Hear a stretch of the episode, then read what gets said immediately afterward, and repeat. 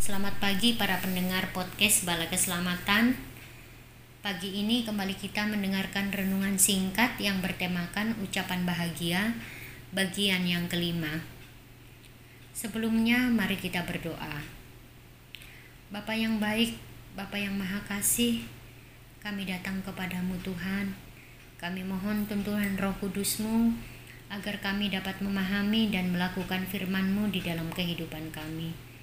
Terima kasih Bapa, ini permohonan kami. Di dalam nama anakmu yang kudus kami berdoa dan mengucap syukur. Amin. Pembacaan firman Tuhan terdapat di dalam Matius 5 ayat yang ke-11 hingga yang ke-12. Berbahagialah kamu jika karena aku kamu dicela dan dianiaya dan kepadamu difitnahkan segala yang jahat. Bersukacita dan bergembiralah karena upahmu besar di surga. Sebab demikian juga telah dianiaya nabi-nabi yang sebelum kamu. Jika kita membaca ucapan bahagia yang dikatakan oleh Yesus dalam Matius 5 ayat yang ke-11, ternyata ucapan bahagia tersebut sangat kontras atau berbeda seperti lazimnya keadaan berbahagia yang dirasakan secara subjektif ataupun secara lahiriah bahkan rasanya tidak masuk di akal. Namun hal ini sangat ditekankan oleh Yesus, yakni ucapan bahagia sudah seharusnya menjadi ciri khas atau menjadi watak seorang Kristen. Kebahagiaan adalah suatu keadaan yang bersifat subjektif. Namun kebahagiaan yang dimaksud Yesus di sini tidak didasarkan atas perasaan-perasaan yang semu, melainkan bahagia menurut apa yang Allah maksudkan dan hal-hal yang membuat mereka layak disebut sebagai orang yang diberkati. Sebagai pengikut Kristus, bukanlah suatu hal yang aneh jikalau kita sering mendapatkan hinaan, aniaya, dan segala sesuatu yang jahat yang ditimpakan kepada kita. Karena Yesus pun telah melalui dan menanggung hal yang demikian.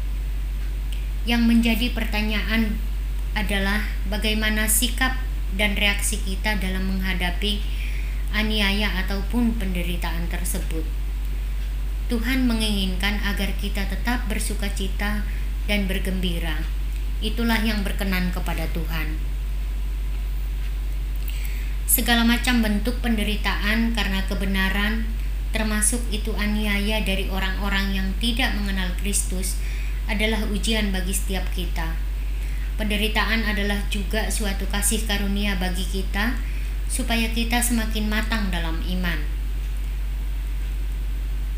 Dalam 1 Petrus 2 ayatnya yang ke-19 mengatakan, Sebab adalah kasih karunia jika seorang karena sadar akan kehendak Allah menanggung penderitaan yang tidak harus ia tanggung. Ayat ini mengatakan bahwa Penderitaan oleh karena Kristus dikatakan suatu kasih karunia, termasuk menanggung segala aniaya. Maka benarlah apa yang dikatakan oleh Yesus bahwa setiap orang yang karena Yesus menerima celaan, hinaan, aniaya, dan segala sesuatu yang difitnahkan, sudahlah seharusnya berbahagia. Pertanyaannya, siapkah kita menanggung aniaya oleh karena Kristus? Mari kita berdoa.